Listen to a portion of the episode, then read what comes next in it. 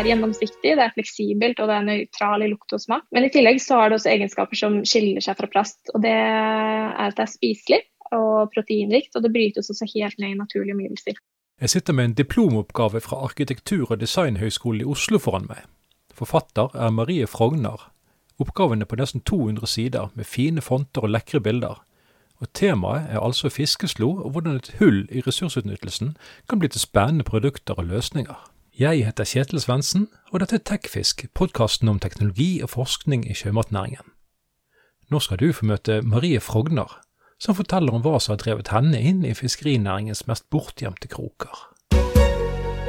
Marie, i oppgaven har du forsket på mulighetene som ligger i gelatin fra fisk. Hvordan kom ideen om bruk av fiskeavfall og merkevann slog? Nei, altså Det startet vel egentlig med bevisstheten rundt uh, avfallsstrømmen i fiskeriindustrien. Jeg har familie fra Lofoten, og de har jobbet som fiskere der i flere generasjoner. Uh, så jeg fikk jo da tidlig innblikk i starten av verdikjeden. Og det var jo på en måte der, der det hele startet for meg. Fra familien din så lærte du at det er mer i fisken enn bare fileten? Jeg har jo egentlig hele tiden sett på, sett på fisk så mye mer enn bare fileten. Og Akkurat nå er det jo en ressurs vi ikke utnytter. Jeg tror at det er et kjempepotensial. Eh, og jeg tror det er absolutt eh, rom for å se utenfor boksen. For det er jo sånn at 18% av restråstoffet ikke blir brukt? Ja, vi ser at det er eh, mye som ikke blir brukt. Og selv det som blir utnyttet, ser vi at går til produkter av lav verdi. Ehm, så vi ser jo at vi trenger nye produkter på markedet som kan gi et større utbytte tilbake til industrien. Og med en større verdi så vil det jo parallelt bli en større tilgjengelighet av råstoffet som aktører i dag betaler for å kaste. Og vi ser jo særlig et stort avfall ute på de store trålerne. Eh, for det er klart at eh, vi vet ikke nøyaktig hvor mye av råstoffet som i dag blir kastet, men vi vet at mye blir dumpet på havet. Jeg ser jo mange materialer på markedet i dag som sikter på å erstatte plast. Eh, og det blir jo egentlig helt feil å ønske å erstatte det. For plast er jo egentlig et fantastisk materiale, og vi, ser, og vi er jo fullstendig avhengig av det. Um, alt fra å redde liv i medisin og øke holdbarhet på mat. Um, men vi ser jo også mange utnyttelser av plast som er fullstendig unødvendig. Og det er jo her vi på en måte må, må jobbe. Og Det er derfor jeg har vært veldig tydelig i hvordan jeg ordlegger meg i prosjektet. Altså at materialet ikke skal erstatte, men at det skal være et alternativ for plast. Og Du lot deg inspirere av forskning fra Nofima. De fant at eh, fisk som var dyppet i gelatin, var mindre utsatt for eh, bakterier og degenerering. Og jeg eh, leste jo flere forskningsrapporter rundt gelatin, eh, og fant ut av et forskningsstudie som var gjort på Nofima, eh, hvor to forskere rett og slett hadde dyppet hele fileter av fisk i fiskegelatin. Og det hadde jo dannet en barriere, eh, eller en hinne, på, på fileten som hadde beskyttet mot tarsking og, og bakterier. Eh, og økt av lagringstiden. Så det, det, var på en måte der det startet. Så tok jeg kontakt med en av forskerne fra, fra Nofima som hadde utført dette studiet. Uh, og han uh, jeg, hadde jeg gode samtaler med, og fikk også tilsendt gelatin fra fisk derfra. Så ut fra det så begynte jeg jo da å eksperimentere med det eget hjem. Prosjektet ditt startet jo som en eh, designoppgave. Og det prises nå for å være en fremtidsrettet løsning. Ja, for Som designstudent så blir man jo tidlig bevisst på dagens forbruksvaner eh, og de negative ringvirkningene som følger av det. Eh, og Modellen vi følger i dag er jo hovedsakelig lineær. Eh, og Resultatet av det blir jo veldig tydelig når vi ser på miljøproblemene som følge av plast. Så vi har jo flere alternativer til plast i dag. Eh, men også her dukker det opp nye problemer når det kommer til både avfallshåndtering og landområdene, det vi krever for å produsere disse materialene. Jeg startet å se på allerede eksisterende naturlige ressurser eh, med lav utnyttelse i dag. Og med tanke på min bakgrunn, så var det derfor veldig naturlig å rette blikket mot avfallsstrømmen i fiskeindustrien. Eh, så gjennom prosjektet har jeg jobbet tett med alle ledd i verdikjeden, og også hatt flere samtaler med aktører i politikken og i forskning. Og basert på den innsikten eh, har jeg jobbet parallelt med et veikart som illustrerer da, konkrete handlinger og milepæler som skal til for å nå målet om økt utnyttelse og verdiskaping av restråstoffet. Og rammeverket for det har jeg brukt, eller rammeverket for dette veikartet er uh, regjeringens strategi om økt utnyttelse. Det sammenfaller med en langsiktig norsk plan for utnyttelse av mm. ressursene. Dette veikartet som, som, du har laget for å bevisstgjøre og, og muliggjøre bruk av fiskegelatin, det er vel et uh, godt nytt for miljøet? Fiskeriindustrien er jo veldig stor. Det er en, uh, kjempe, altså det er en veldig omfattende industri. Så, så, hvis man på en måte skal uh, klare å øke bevisstheten rundt restråstoffet og få nye produkter på banen, så gjelder det jo at vi får til et samarbeid både i industrien og i forskningen og politikken. Eller I dette prosjektet så har jeg ikke bare spurt, legger ofte spurt hva, men også hvorfor og hvordan vi kan klare å få det til. Så det har vært viktig for meg å jobbe parallelt med dette veikartet, nettopp for å illustrere konkrete milepæler og handlinger som skal til for å nå regjeringens mål. Men tilbake til selve produktet. Fiskegelatin det er klart som plast, men det har eh, mange egenskaper som plast mm. ikke har. Bl.a. at det løser seg opp i vann. Ja, det stemmer. Det er laget, av, eh, eller er laget med proteiner, eller nærmere bestemt kollagenet fra fiskeavfallet. Eh, noe som vi ser spesielt mye av skinn og bein. Og skinnet er veldig sterkt, men i tillegg til å være sterkt er det også veldig fleksibelt. Så jeg så på produkter som kunne hentes ut av skinnet, og det var sånn jeg ble oppmerksom på fiskegelatin. Så resultatet er jo da et materiale som har mange av de samme egenskapene som plast, ved at det er gjennomsiktig, det er fleksibelt og det er nøytral i lukt og smak. Men i tillegg så har det også egenskaper som skiller seg fra plast, og det er at det er spiselig og proteinrikt, og det brytes også helt ned i naturlige omgivelser. Og Maskineriet som benyttes til å lage fiskegelatin, er det samme som allerede i dag blir benyttet til å lage produkter som f.eks. fiskeprotein og kollagen.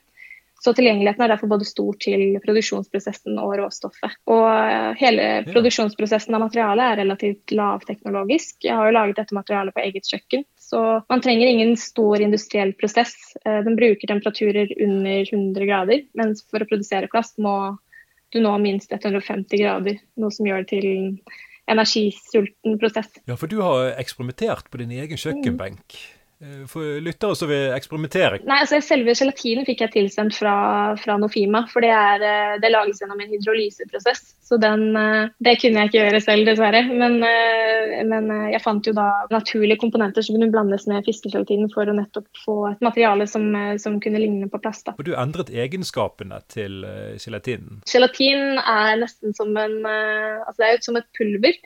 Det blir spaltet i pulver, så det nesten, ser nesten ut som sukker. Um, så det jeg har gjort, er jo å blande dette med komponenter sånn at det blir en flytende masse. Og når det lufttørker, så får du da det resultatet jeg har laget, dette materialet.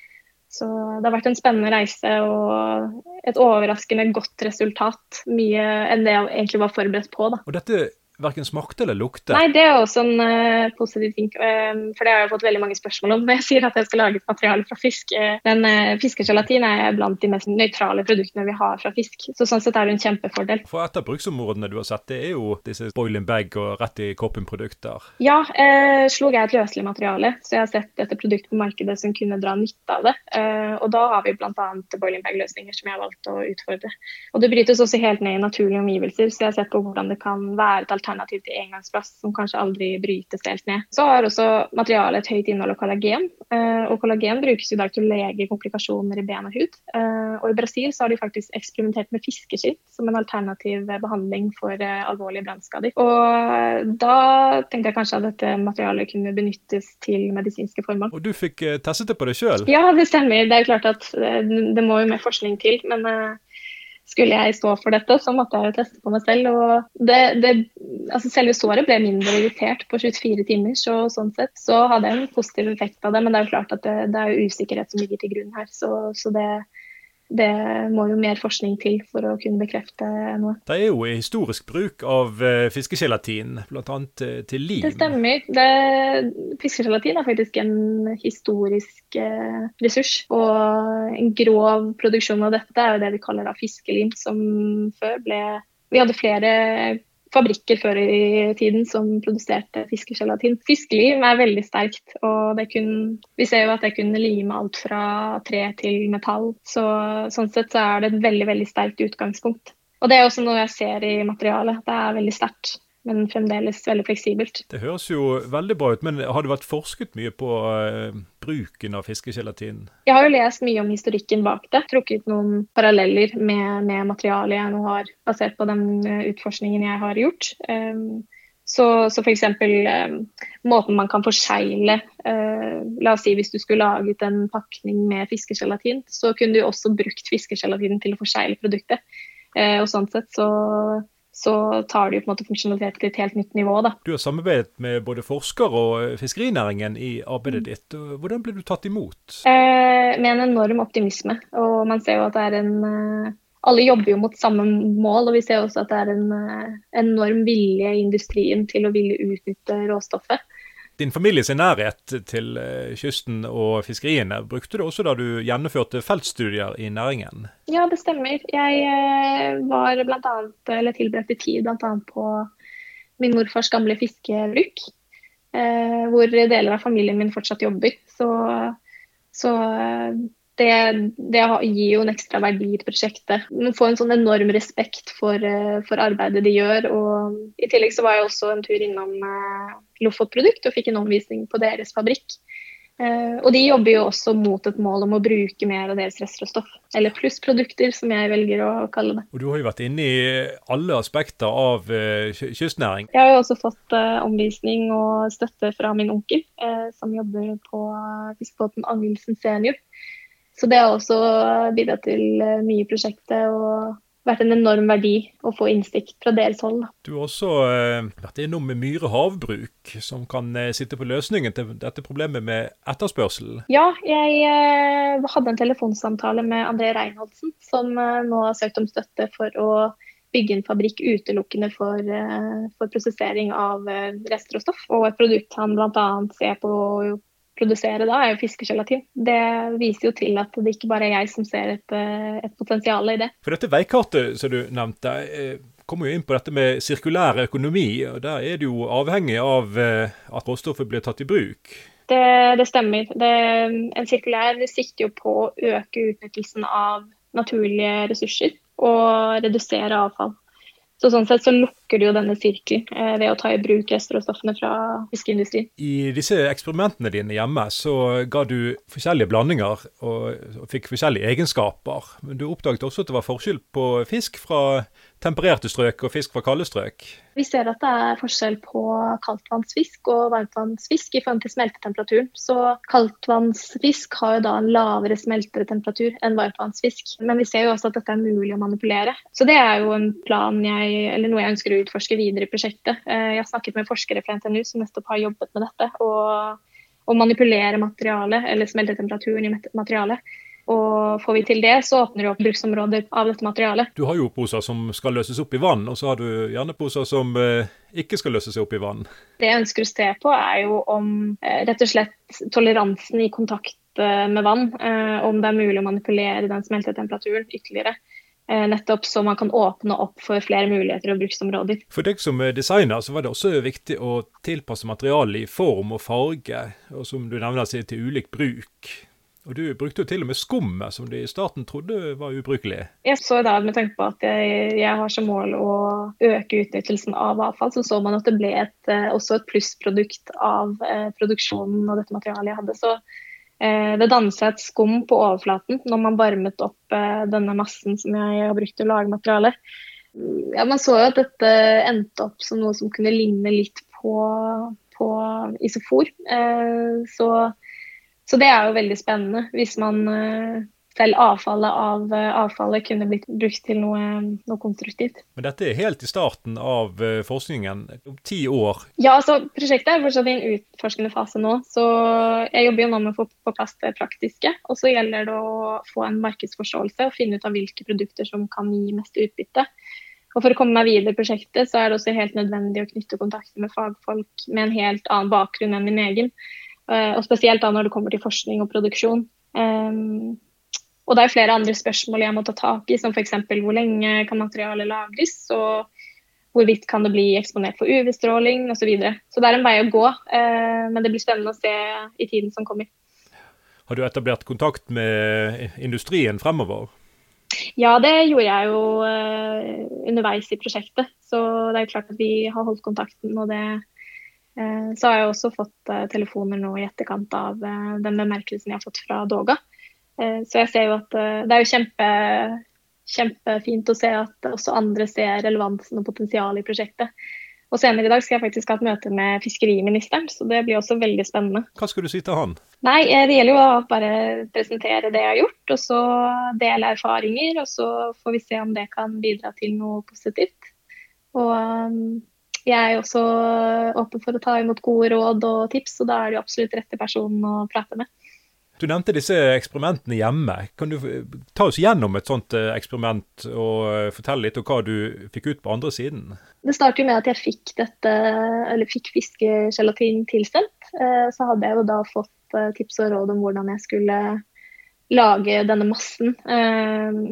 Men bare ved bruk av fiskegelatin alene så så jeg at det ble Eh, det ble ikke så fleksibelt som jeg hadde håpet på. Så jeg så etter andre naturlige komponenter på markedet som jeg kunne, som jeg kunne tilsette. Ja, så etter flere forsøk så, så, endte jeg opp med et materiale som både var fleksibelt og veldig sterkt. Du har også eh, eksperimentert med ulike farger? Ja, jeg, jeg har jo slått meg litt løs og sett hvilke muligheter og, som eh, eksisterer. og og hvor langt man kan gå. Da, da har jeg sett på både tekstur og farger og eh, mye forskjellig. Fant du om dette endret egenskapene til materialet? Nei, det, det bevarte fremdeles en del av, eh, av, de gode egenskapene man ser. Stoffet har jo en del unike egenskaper. altså dette med at det løser seg opp i varme og vann, og det, det vil mm. råtne i naturen. Men samtidig så er det motstandsdyktig mot olje. Ja, det stemmer. Eh, vi ser jo at eh, vann det, det, løser seg opp i vann, særlig da i varmt vann. Det ser vi at eh, skjer umiddelbart, men i kaldt vann så tar det noen dager. Eh, men jeg var også nysgjerrig på å se hva som skjedde hvis det kom i kontakt med olje. Og det ser vi faktisk at eh, at det ikke har noe effekt på materialet. Eh, så, så, det kan jo bli spennende å utforske videre. Høres ut til det ligger et kjemisk prinsipp bak. Jeg tror absolutt at det er et iboende potensial der. Hva betyr det å få en pris? pris? Du fikk jo et Doga-merket nykommer. Nei, det er jo en Man blir jo veldig ydmyk og utrolig stas å få en slik utmerkelse. Og det bidrar jo til å løfte prosjektet og kan hjelpe meg å knytte kontakter med, med, fagfolk som er helt avhengig og kontakter for å ta prosjektet videre.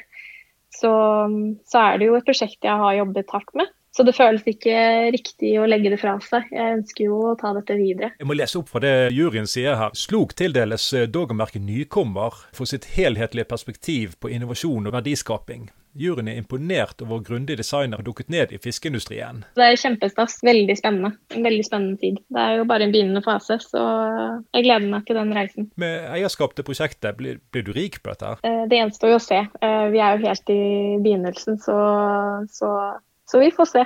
Men, eh, men, det viktigste er jo budskapet jeg ønsker å nå frem i mitt prosjekt. og Det er jo nettopp å heve blikket og se på de ressursene som allerede eksisterer i Norge. Og verdien av en sirkulær økonomi. Du kan høre mer på Tekfisk, som du finner på Spotify, iTunes eller der du liker å høre på podkast.